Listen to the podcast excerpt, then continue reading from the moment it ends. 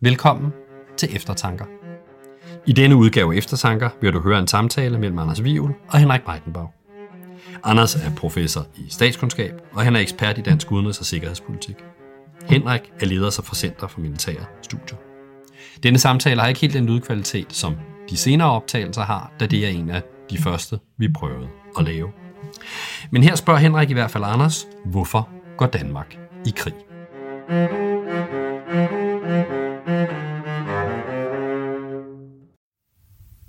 Anders Vivl, hvorfor går Danmark i krig? Danmark har jo et, øh, et, et, øh, en lang tradition i virkeligheden for at, at have et militært øh, engagement i, i, i udenrigspolitikken, og også for at have et militært engagement, som sådan kobler det vi kunne kalde interessepolitikken, altså det, at øh, vi søger at varetage vores overlevelse og sikkerhed internationalt, og værdipolitikken, altså det, at vi prøver at fremme, hvad øh, vi synes er rigtigt øh, internationalt. Det gør vi med diplomatiske midler, men vi har også længe gjort det øh, militært. Vi har gjort det i særlig grad øh, de sidste sådan 25-30 øh, år øh, fra den kolde krigs ophør øh, og frem.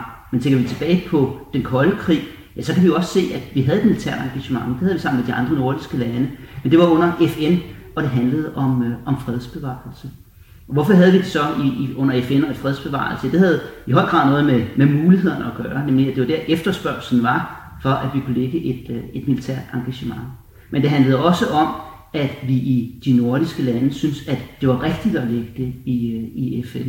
FN korresponderede med, hvad vi kunne sige, sådan vores nordiske værdier eller nordiske velfærdsstatsværdier. Det handlede om at skabe et internationalt retssamfund. Det handlede også om at skabe mindre ulighed øh, mellem nord og syd, og det handlede om at skabe øh, afspænding øh, mellem øh, øst og vest. Så man kan sige, Danmark har længe været villig til at udbyde øh, sådan med militære midler øh, for at, at fremme både værdier og interesser det, der er det nye, kunne man sige, med at, at Danmark går i krig, det er, at vi aktivt går ind i en militær indsats, aktivt går ind i krigshandlinger, og også det, at vi er villige til aktivt at gå ind på den ene side i en krig. Altså ikke kun gå ind, når der er enighed mellem stormagterne og i det internationale samfund om at gøre det. Når Danmark på den måde vælger at gå i krig, er det så fordi vi kan, eller er det i et eller andet grad et udtryk for en fortsat tilpasningspolitik, hvor vi altså bare gør det, der forventes af et, øh, et lille land i en stor verden? Jeg tror, at man kan sige, at, øh, at det er en kombination af, at vi kan, det er en kombination af, at vi vil, og det er en kombination af, at der er forventninger til os om, at, øh, at vi gør det. For det første kan vi gøre det. Danmark har jo et, et, et, et stærkt øh, militær, øh, og også et militært, som er blevet omlagt gennem de seneste årtier til at kunne rejse ud i verden øh, og deltage i, øh, i de her øh, internationale øh, militære operationer. Det handler også om, at, at vi vil, at vi i Danmark har set øh, nogle muligheder i øh, det, man kunne kalde den amerikanske verdensorden. Altså en verdensorden, som er domineret af USA og de værdier, som USA står for. Det handler i høj grad om at sprede demokrati, øh, udbredte menneskerettigheder, men også sådan mere traditionelle nordiske, skandinaviske velfærdsstatsværdier, som at give mulighed for uddannelse, give lige mulighed for øh, mænd og kvinder i samfund øh, rundt omkring øh, i verden. Og så handler det om, øh, at det her efterspørgsel nu er efter øh, at stille op militært. Og vel også om, at man har en forventning om, at stiller man op her, ja, så vil der også være en gevinst i øh, den anden ende. Noget af det, som, som der jo har været fokus på, øh, kan man sige, er jo forholdet til USA, og hvad USA kan tillade sig at forvente af os, og hvad vi til gengæld kan tillade os at forvente af USA. Det kan man sige, det er noget af det, som er blevet sat på spidsen under Trump, når vi diskuterer øh, de europæiske NATO-lande, kan de leve op til kravet om at give 2% af, af BNP til forsvarsudgifterne, og hvad er det så til gengæld, at vi kan forvente at amerikanerne? Kan vi fortsat forvente, at de vil sikre øh, stabilitet og sikkerhed øh, på det europæiske kontinent? Nu understregede du også i dit første svar det med aktivismen, altså det der tillægsord omkring at være aktiv. Øh, og det fylder jo meget i, hvad skal man kalde det, rationaliseringen af, af dansk udenrigspolitik, altså den måde, vi taler omkring det på, og med vi mener altså her beslutningstagerne, øh, både embedsmænd og, og politikere. Øh, jeg kunne godt tænke mig at tale lidt, om, lidt med dig om, om dansk udenrigspolitisk øh, aktivisme. Øhm, og måske starte med et, et drilsk spørgsmål. Behøver aktivismen at være militær? Kunne efterspørgselen ikke øh, være efter noget andet også? Øh, og kunne aktivismen ikke tage andre former end den, den har haft de sidste øh, 20-25 år? Når vi taler om, øh, om, om aktivisme og, og i særdeleshed den måde, som, som, som aktivisme optræder på i, øh, i den offentlige debat, så er det blevet synonym med en, øh, en militær aktivisme. Det er blevet synonym med, at det vi har deltaget aktivt i Irak, øh, i Afghanistan, i Libyen, er vi til stede mange steder i verden, at vi er villige til at rejse ud, og også med militære midler, og udbrede vores værdier, men også fordi vi tænker, at det kan være med til at stabilisere ustabile områder, og dermed også tjene til et stabilt verdenssamfund og, og til at tjene øh, vores interesser. Det er virkelig helt forkert at tænke på det på, på den måde. Hvis vi øh, går bare en lille smule tilbage i historien, ja, så kan vi pege på, at Danmark sådan set har været aktivistisk igennem øh, lang tid. Øh, jeg skrev for øh, et par år siden en øh, artikel om Danmark, om vi stadigvæk levede i sådan skyggen øh, af 1864 øh, til Danish Foreign Policy øh, Yearbook, og prøvede at undersøge, hvad har egentlig været de danske sådan doktriner øh, op gennem historien fra 1864 og, og frem. Og det man egentlig kan sige sådan har været det gennemgående træk i, i dansk udenrigspolitik, i hvert fald fra afslutningen af Første Verdenskrig og, og frem til i dag, det vil jeg sige har været sådan en slags form for pragmatisk aktivisme. Det er en aktivisme, som har udviklet sig i, øh, i samspil med de rammevilkår, som, øh, som vi har haft. Øh, I mellemkrigstiden var den forsigtig. Det handlede om sammen med andre øh, små lande at skabe et rum for, at man kunne handle med hinanden, så man kunne have økonomisk vækst. Det handlede om at skabe afspænding øh, mellem stormagterne. Danmark og andre nordiske lande gik faktisk aktivt ind i Folkeforbundet for at søge at skabe afspænding øh, mellem stormagterne. Så kan vi kigge på historiens gang og sige, det var ikke nogen sådan utvetydig øh, succes. Øh, det endte jo trods alt med øh, 2. verdenskrig, men det var et aktivt forsøg på at gøre de her ting fra Danmark og andre små landes side. Går vi så op til efter øh, 2. verdenskrig, så kan vi se, at vi får et internationalt samfund, hvor man opbygger en række internationale organisationer. Og for Danmark, ja, der var flere af de her organisationer væsentlige. Der var selvfølgelig NATO, øh, som øh, var med til at varetage vores sådan grundlæggende øh, sikkerhed, øh, vores militære, territorielle overlevelse. Men der var også FN, som jo fra 1960'erne øh, blev et, øh, en platform for øh, dansk øh, aktivisme. Øh, den daværende øh, danske udenrigsminister øh, Per Hækkerup gik meget aktivt, meget målbevidst i virkeligheden ind og brugte øh, FN-systemet til at fremme danske interesser og værdier, og havde et blik for, ja, som lille land havde vi ikke så mange ressourcer, men så er det faktisk meget nyttigt, at vi havde nogle internationale organisationer, man kunne gå ind og trække på den ekspertise, der var i de her organisationer. Man kunne sådan spille ind øh, i forhold til de her organisationer med nye forslag, som ikke sådan var i modstrid øh, med det, som supermagterne og stormagterne ønskede, men alligevel lagde noget til, øh, som havde øh, sådan en smag af nogle danske værdier, nogle særlige interesser, ikke mindst i, i udviklingspolitikken. Så for der ser vi også, at vi har sådan et dansk øh, udviklingsaktivisme, som jo også har betydning i dag. Den fylder meget fortsat i, øh, i vores udenrigspolitik. Den har da også været afgørende for, hvordan vi har kunne øh, agere internationalt, fordi vi gennem længere tid har opbygget et, øh, et, et, et, et, et stærkt fællesskab og et stærkt samspil med en række lande i, øh, i, øh, i den tredje verden. Så man kan sige, aktivismen har sådan set været der gennem 100 år. Det vi har set i særlig grad øh, gennem de sidste 20 år har været en militær aktivisme, øh, som er vokset frem, hvor vi i højere grad end tidligere bruger militæret aktivt til at fremme danske øh, interesser og værdier. Når vi kigger på en så lang historie for øh, en dansk udenrigspolitik, der altså kan øh, betegnes med tillægsord som værende aktivistisk, er der ikke et, et, øh, et paradoks her i forhold til Danmark som småstat?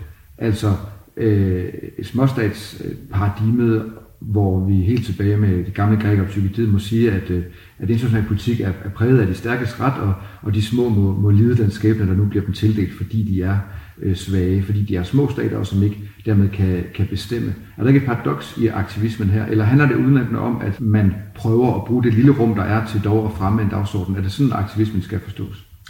Jeg synes, man kan, man, man kan sige, at, øh, at der er om ikke et paradoks, så i hvert fald en, øh, en spænding.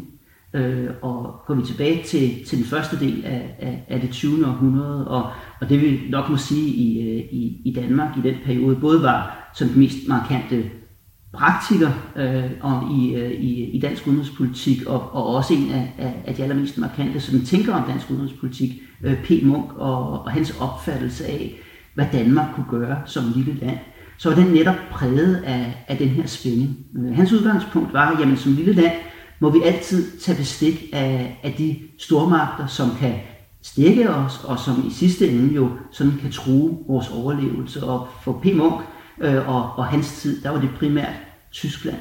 Men inden for det rum, og på lang sigt, der handlede det så om stille og roligt at arbejde sig hen imod en anden tilstand, hvor man langsomt udvidede handlerummet for øh, de mindre lande, og selvfølgelig især for, for Danmark. Så det handler om stille og roligt, pragmatisk, øh, med tålmodighed og, og bygge handelsrelationer til øh, andre øh, lande. Det handlede om sådan at gå ind og risikoafdække ved at have relationer til flere stormagter på én gang, have relationer til øh, de andre øh, nordiske lande. Det handlede om at arbejde gennem de internationale organisationer, fordi man trods alt der sådan havde en stødpude øh, mod slagene øh, fra øh, stormagterne, og pragmatisk arbejdede sig hen i en tilstand, som var ikke sikker, men en lille smule mindre usikker end den, som øh, man, man kom fra. Det er virkelig det fundament, øh, man kan sige, at, øh, at Hækkerup så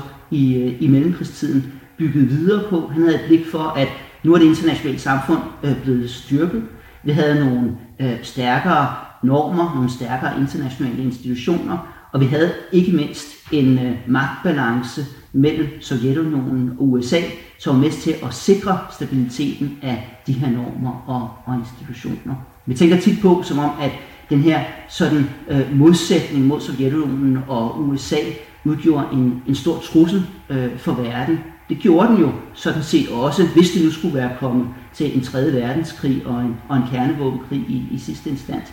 Men den udgjorde jo også, kan man sige, en stabiliserende faktor i verden, og den gjorde, at der var ganske få spillere, og dermed havde vi et lidt mindre komplekst spil, end det man ser øh, i dag. Der var to store magter, der ganske vist sad hver med, med fingeren, måske sådan lidt utålmodigt øh, hvilende øh, på knappen, men særligt også var meget, meget opmærksom på, hvad der ville ske, hvis man trykkede på den og, og udløste en, øh, en, en, en, en konflikt. Og det gjorde jo også, at, at de her to magter brugte FN-systemet som sådan et sted, hvor man kunne øh, føle hinanden lidt øh, på næverne, men også hvor man kunne forsikre hinanden om, at man ikke ønskede den her tredje øh, verdenskrig. Man var i, efter sådan den første periode, som var domineret af USA, så var man faktisk ret varsom med, hvordan man, øh, man brugte øh, FN, og brugte dem som sådan et, et clearinghouse for magtbalancen. Så det gav nogle muligheder, kan man sige, for de mindre lande, den stabilitet,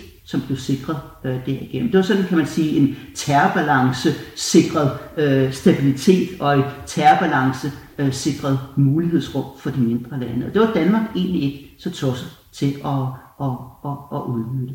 Der, var det måske indimellem har været mere problematisk for Danmark, det har været, når man måske har forladt den, så kan man sige, så den pragmatiske aktivisme og gået over i en mere øh, idealistisk øh, aktivisme, hvor man har haft mindre blik for netop spændingen mellem det at være lille og det gerne, og ville være stor og gerne øh, ville øh, øh søge indflydelse. Så kan man sige, der har man nogle meget forskellige perioder øh, i, øh, i, øh, i dansk udenrigspolitik, øh, øh, præget af, af, af nogle meget forskellige øh, øh, politiske beslutningstagere med meget forskellige værdisæt. Øh, jeg synes, man kan nævne to i hvert fald.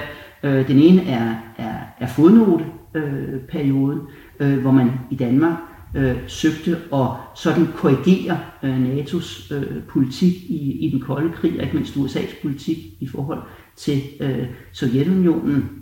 Og man må sige, at, at det endte anderledes, end man havde forudset fra, øh, fra, fra dansk side. Og det måske i virkeligheden var nu de midler, som amerikanerne brugte og som NATO brugte, der i sidste ende øh, var med til at, øh, at knække øh, Sovjetunionen. Den anden periode, øh, man kunne nævne, kunne man sige, var øh, under øh, Anders Fogh Rasmussen og hans værdipolitik, øh, hans ønske om at skabe øh, forandring i verden, skabe demokrati og, og menneskerettigheder i, i Mellemøsten. Og man kan sige, ligesom fodnoteperioden, der havde øh, det edle formål at skabe verdensfred, øh, så havde for Rasmussens perioden det edle formål at skabe demokrati og menneskerettigheder i verden. Men igen, kan man sige, viste der jo så var være inden for et magtpolitisk rum, som man fra dansk side havde meget svært ved at, at styre. Man kan sige måske ikke mindst under Mohammed-krisen, øh, hvor Jyllandsposten offentliggjorde en række tegninger, der skulle øh, forestille øh, profeten Mohammed, der affødte stærke, stærke reaktioner fra ambassadører fra en række øh, muslimske lande. Man ønskede ikke fra den danske regering øh, at, øh, at tage disse øh, protester alvorligt, og det øh, udløste nogle meget stærke øh, reaktioner med boykot af danske varer, afbrænding af, af Dannebro rundt omkring i, øh, i, i Mellemøsten.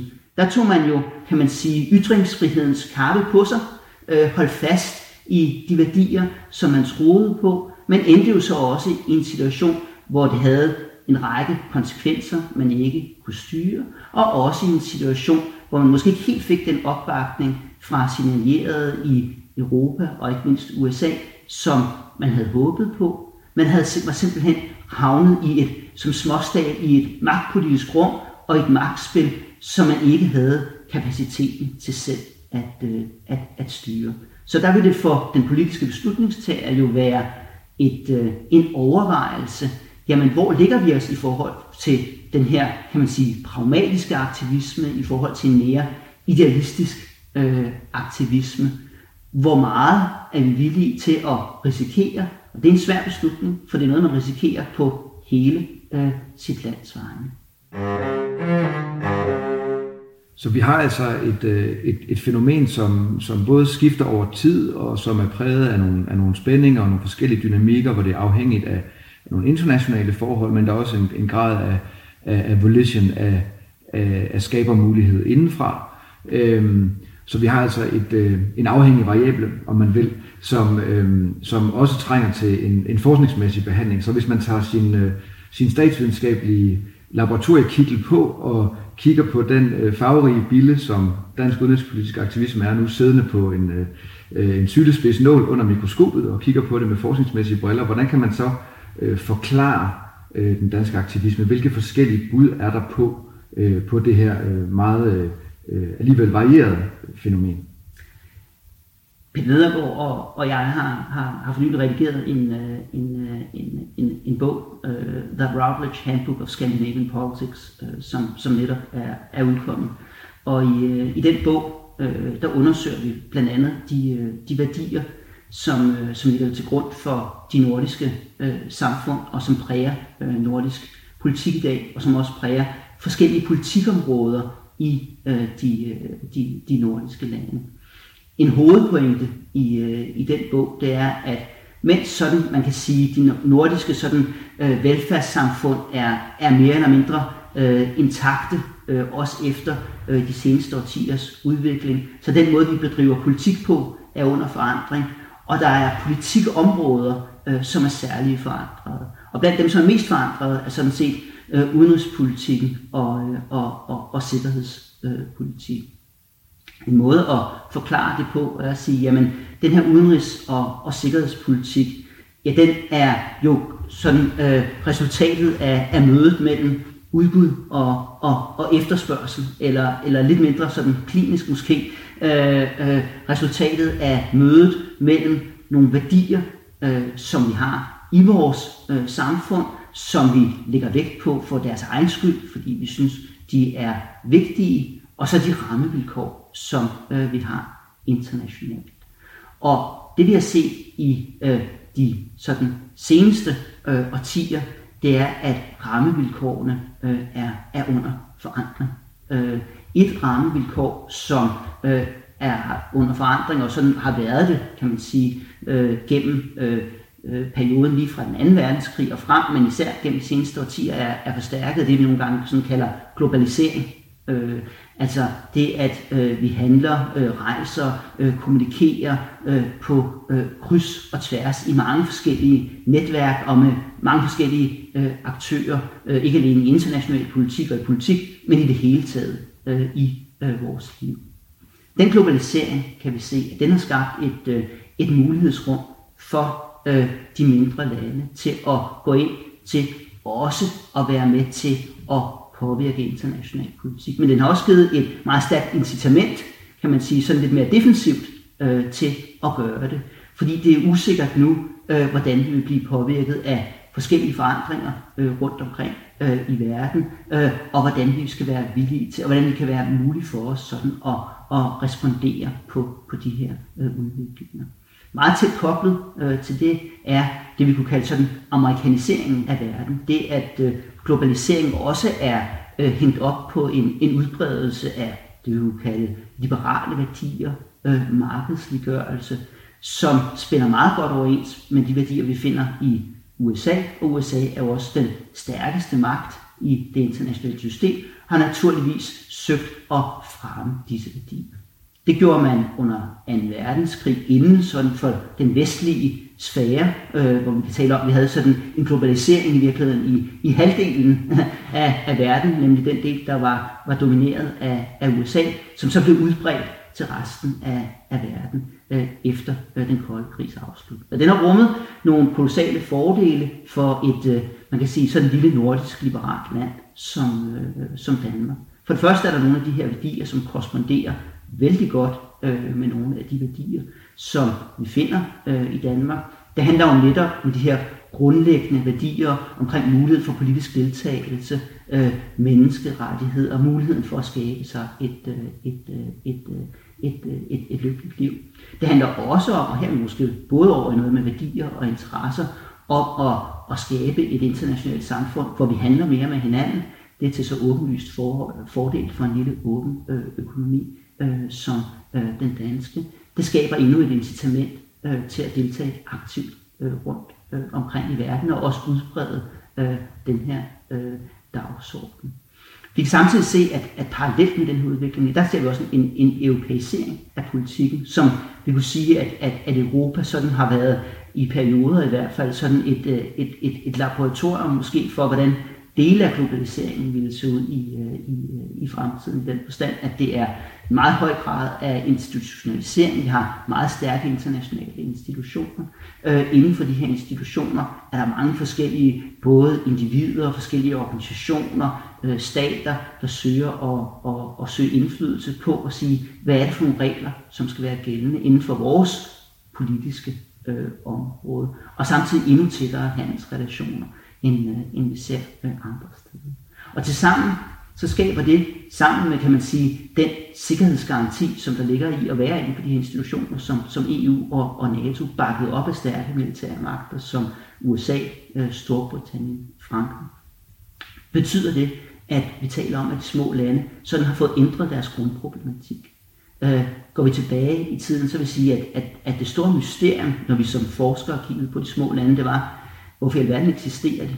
Øh, hvorfor er der ikke nogen, der bare er, er, har ragt ud og, øh, og har lagt de her lande ind under øh, deres eget land? Særligt, man kan sige, et land som Danmark med dejlig landbrugsjord øh, og, og en befolkning, som generelt er uddannet og, og, og civiliseret og ikke alt for oprørsk, øh, men også sammen med en, en række øh, øh andre lande. Så der var sådan en overlevelsesproblematik, som er grundproblematikken for de mindre lande. Hvorfor overlever de? Og selvfølgelig, når man kommer fra et lille land, vil sige, hvordan overlever de? Øh, hvad er det, som, øh, som vi skal gøre for at overleve? Og der var sådan, kan man sige, to måder at gøre det på.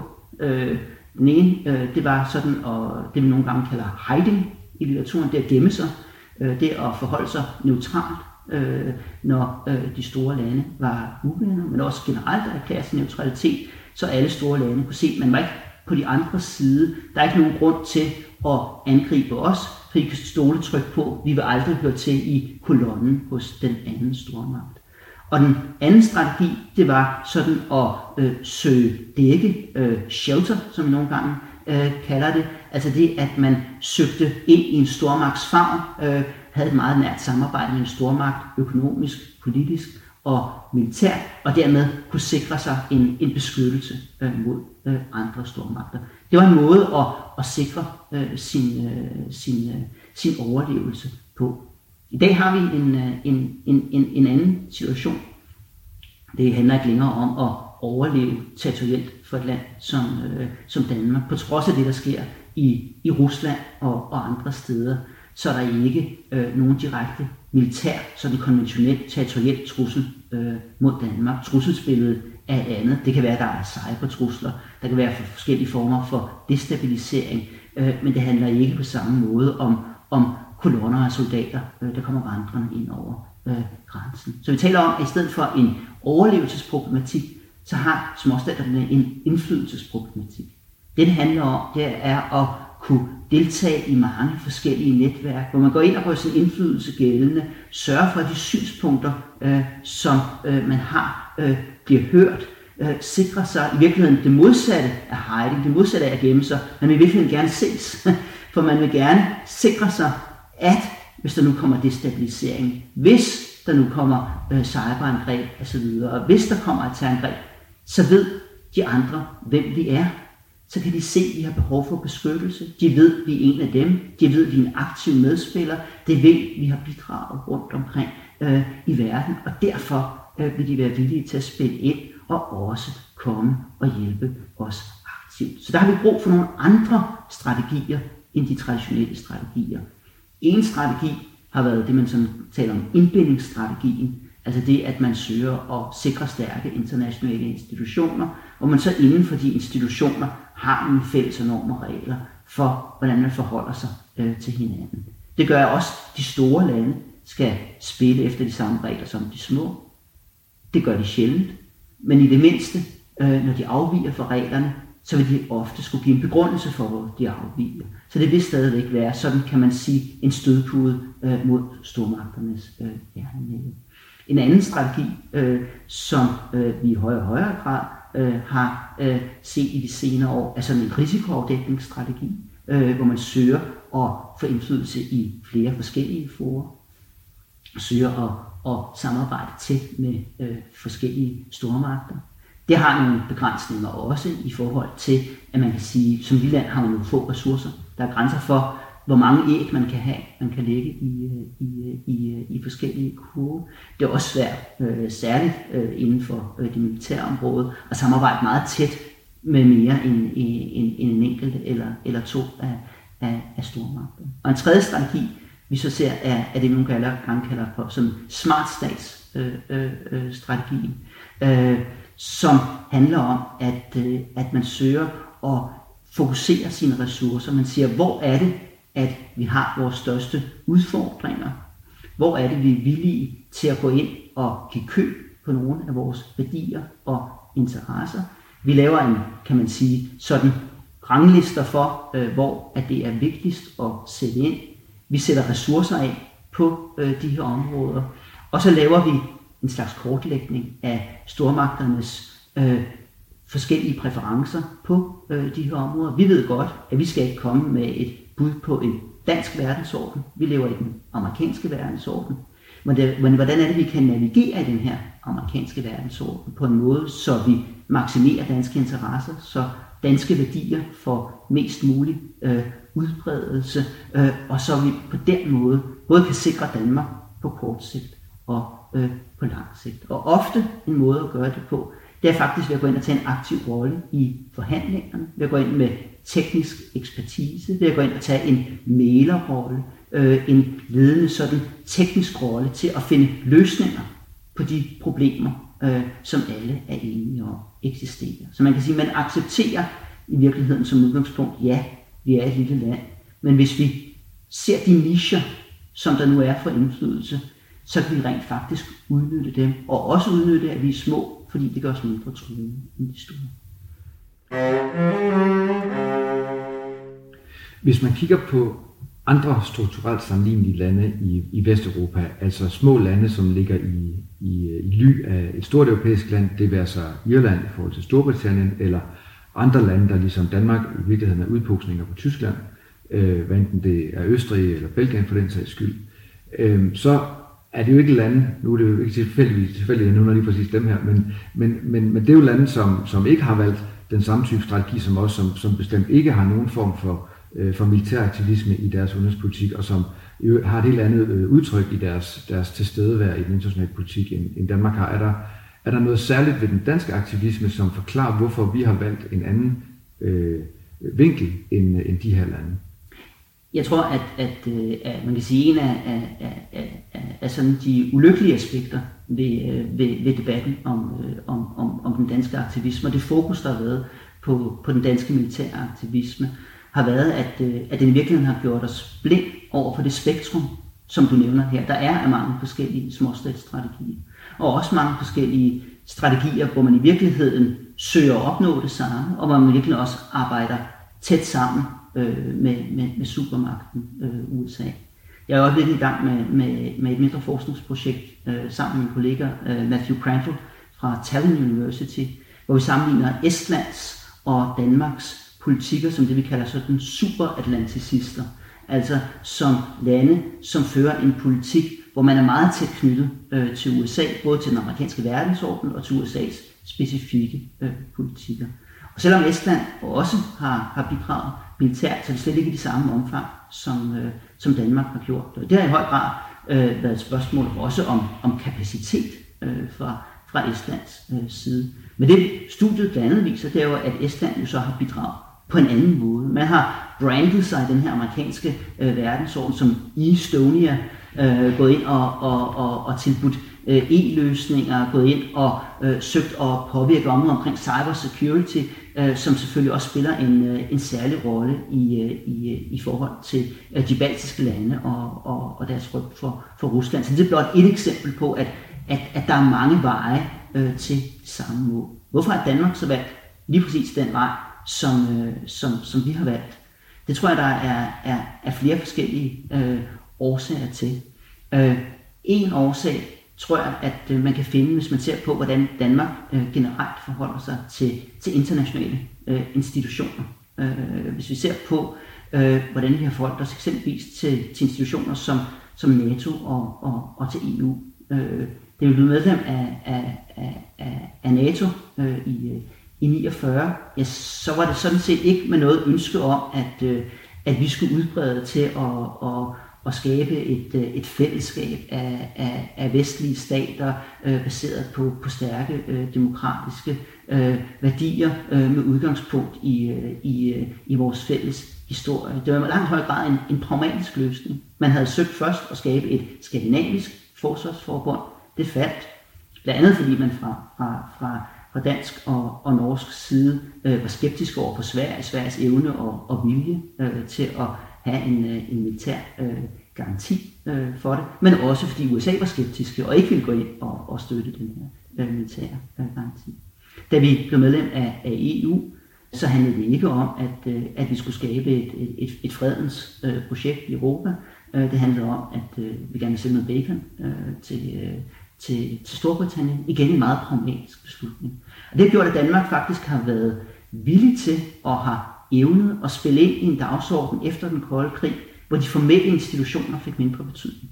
Hvor man agerede uden for institutionerne, hvor man havde det, vi kalder koalitioner af villige, øh, ofte med, med, med USA i, øh, i spidsen, hvor man samarbejdede uformelt og var villig til ikke øh, og, og nødvendigvis skulle have et, øh, et eksplicit mandat fra FN for at, at gå ind øh, militært det passede egentlig meget godt sammen med den her ultrapragmatiske måde at, at se på international politik og internationale institutioner på i Danmark. Og derved adskiller vi os jo blandt andet fra, fra, fra særligt Sverige, men, men, men også fra Norge, hvor FN spiller en, en, en langt, langt større rolle i, øh, i, i debatterne om, øh, om, øh, om, om, om sikkerhedspolitik.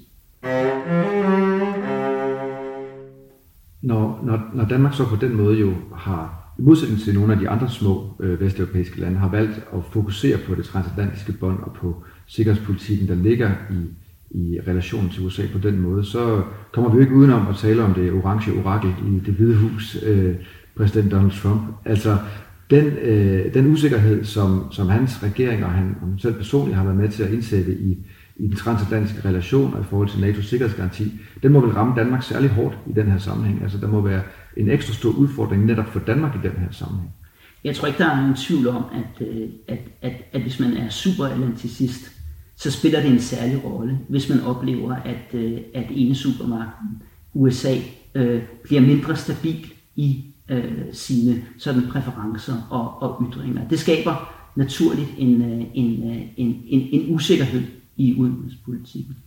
Jeg tror også, man skal passe på med at, at overdrive øh, den usikkerhed. Hvis vi ser på øh, de ting, som øh, Donald Trump øh, har sagt som øh, USA's præsident, så er der jo flere af dem, og nogle af de, kan man sige, allermest grundlæggende af dem, som ligger i forlængelse af, af, af amerikansk udenrigspolitik i, øh, i de senere år.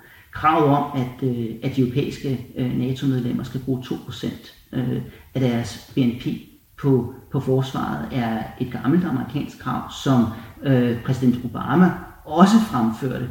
Han fremførte det med lidt andre ord, øh, med en lidt anden betoning end, øh, end, end, end Trump, øh, men det var stadigvæk amerikansk politik også på, øh, på det tidspunkt, så det er ikke et, øh, et nyt øh, policy-tiltag. Når vi ser på et, det, man kunne kalde et lidt snævrere amerikansk fokus på amerikanske interesser, ja, så igen kan vi se her, at, øh, at, at også det fandt vi under øh, præsident Obama. Her så vi jo netop amerikanerne sådan set trække sig lidt tilbage fra den rolle, som de en periode havde haft i, øh, i det internationale samfund, som dem, der var villige til at gå forrest, når man skulle ud og øh, skabe demokrati og menneskerettigheder. Så igen kan man sige, at der øh, politik, der ligger i forlængelse af den tidligere administration. Der er også politikker, der ikke gør det. Øh, når vi ser på øh, den måde, som øh, præsident Trump eksempelvis har ageret på i forhold til øh, tredje verdens lande, i forhold til øh, spørgsmål øh, som eksempelvis at gå ud og øh, fortælle i tredje verdens øh, lande omkring, øh, øh, man kan sige, sådan og, og øh, familieplanlægning osv., ja, så er der et, øh, et, et skifte her i politikken. Men det er jo også et skifte, som for Danmark giver et mulighedsrum, og det er også et skifte, som giver et mulighedsrum, som Danmark allerede sådan set er godt i gang med at udnytte. Øh, for i det, at, øh, at, øh, at Trump lancerede det her politikskifte, ja, så skete der jo også det, at, øh, at den danske regering gik ud og sagde, jamen hov, jamen, så må vi jo yde en ekstra indsats på øh, det her område. Så man kan sige, at i virkeligheden efterlader det måske også et, et, et mulighedsrum for det, der var sådan en traditionel dansk og, og, og nordisk udenrigspolitik omkring øh, kvinders rettigheder, børns rettigheder, uddannelse til alle osv., som man så kan gå ind og, øh, og, øh, og udnytte, samtidig med, at man arbejder tæt med amerikanerne i, øh, i, i, i, i sikkerhedspolitikken. Så det, at vi ser en Trump i det hvide hus, er noget, som vil give en naturlig bekymring, alene af den grund, at man ikke ved, hvad det er for et tweet, øh, der kommer om, øh, om, øh, om to minutter. Men det er også en udvikling, som på nogle områder ligger i forlængelse af tidligere amerikanske administrationer, og på andre områder i virkeligheden skaber et rum for et land som, øh, som Danmark, hvor vi kan sige, jamen her er vi ganske enkelt uenige, og her går vi, selvom vi fortsat betragter USA som vores nærmeste allierede, ind og yder en særlig indsats, fordi vi har nogle værdier her, som vi gerne øh, vil, vil frem. Og det leder jo her til sidst så frem til det, det åbenlyse spørgsmål om, hvordan fremtiden så tegner for aktivismen. Hvad er det for nogle udviklingslinjer, man kan se? Er der, øh, kan man forestille sig, eller hvad, hvilke betingelser skal der til for øh, en, en, en mere radikal omlægning af aktivismen? Enten en, en omlægning, hvor vi fokuserer mindre på sikkerhedspolitik og mere rent på europapolitikken, hvor vi kommer til at lægge os meget tættere på Tyskland for eksempel. Øh, hvilke betingelser skal der til for, at aktivismen bliver lavet øh, radikalt om i de kommende år? Jeg tror i hvert fald, vi kan, vi, vi, vi, vi kan se to udviklinger i, øh, i den danske øh, aktivisme. Den ene er en udvikling sådan fra ude i verden øh, og hjem mod øh, nærområdet i, øh, i sikkerhedspolitikken. Hvis vi ser på perioden fra, fra de tidlige 1990'er og, og frem, så bevæger vi os i den modsatte retning. Øh, vi startede med at have en, øh, en aktiv rolle i forhold til, til Baltikum, øh, de baltiske lande, allerede inden at de var blevet selvstændige fra, fra, øh, fra, fra, fra Sovjetunionen, fortsatte med hans stærke engagement i, i genopbygningen af, af de her samfund. Vi bevægede os ud i Europa, øh, kan man sige. Det var de næste 10 år, der var det hovedprioriteten i, i dansk udenrigspolitik, var, var, var EU-udvidelsen. Øh, den prioritet, der kom lige efter, var NATO-udvidelsen. Øh, efter øh, angrebet på New York og Washington i, øh, den 11. september øh, 2001 bevægede vi os videre ud i verden, øh, også øh, meget aktivt i forhold til, til Mellemøsten, også i, i, øh, i, øh, i sikkerhedspolitik. Man kan sige, vi havde jo været ude i verden i forbindelse med vores udviklingspolitik i, i, i, i, i ganske mange år.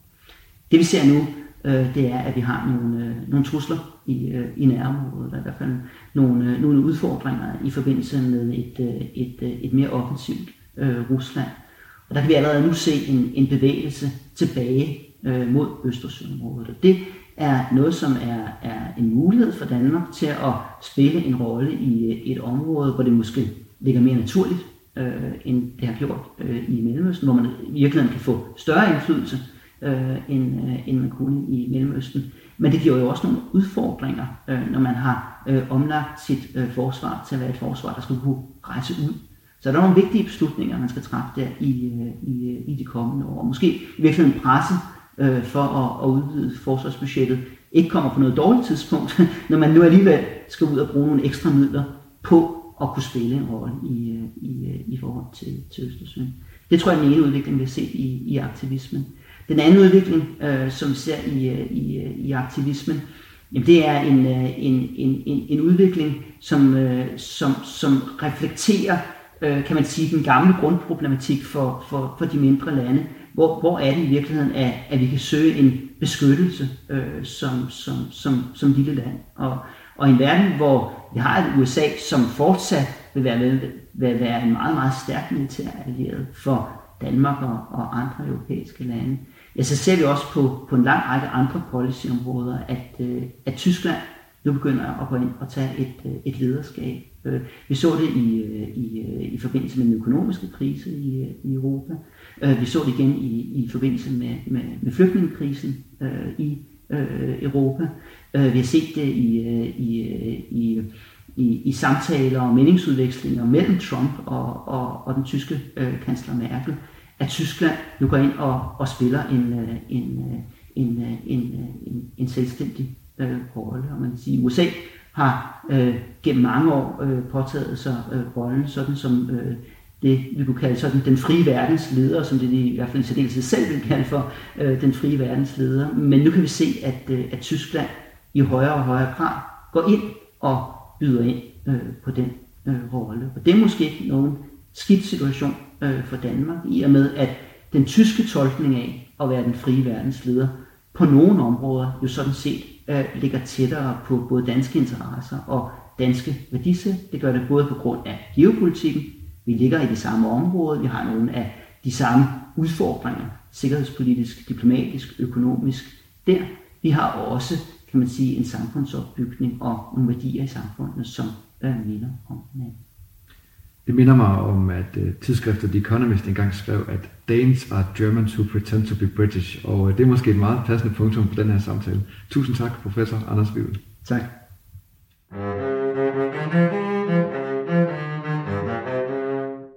Du har lyttet til Eftertanker. Eftertanker er produceret af Institut for Statskundskab ved Københavns Universitet. Du kan læse mere om instituttet på vores hjemmeside eller på Facebook. Tak fordi du lyttede med. Thank you.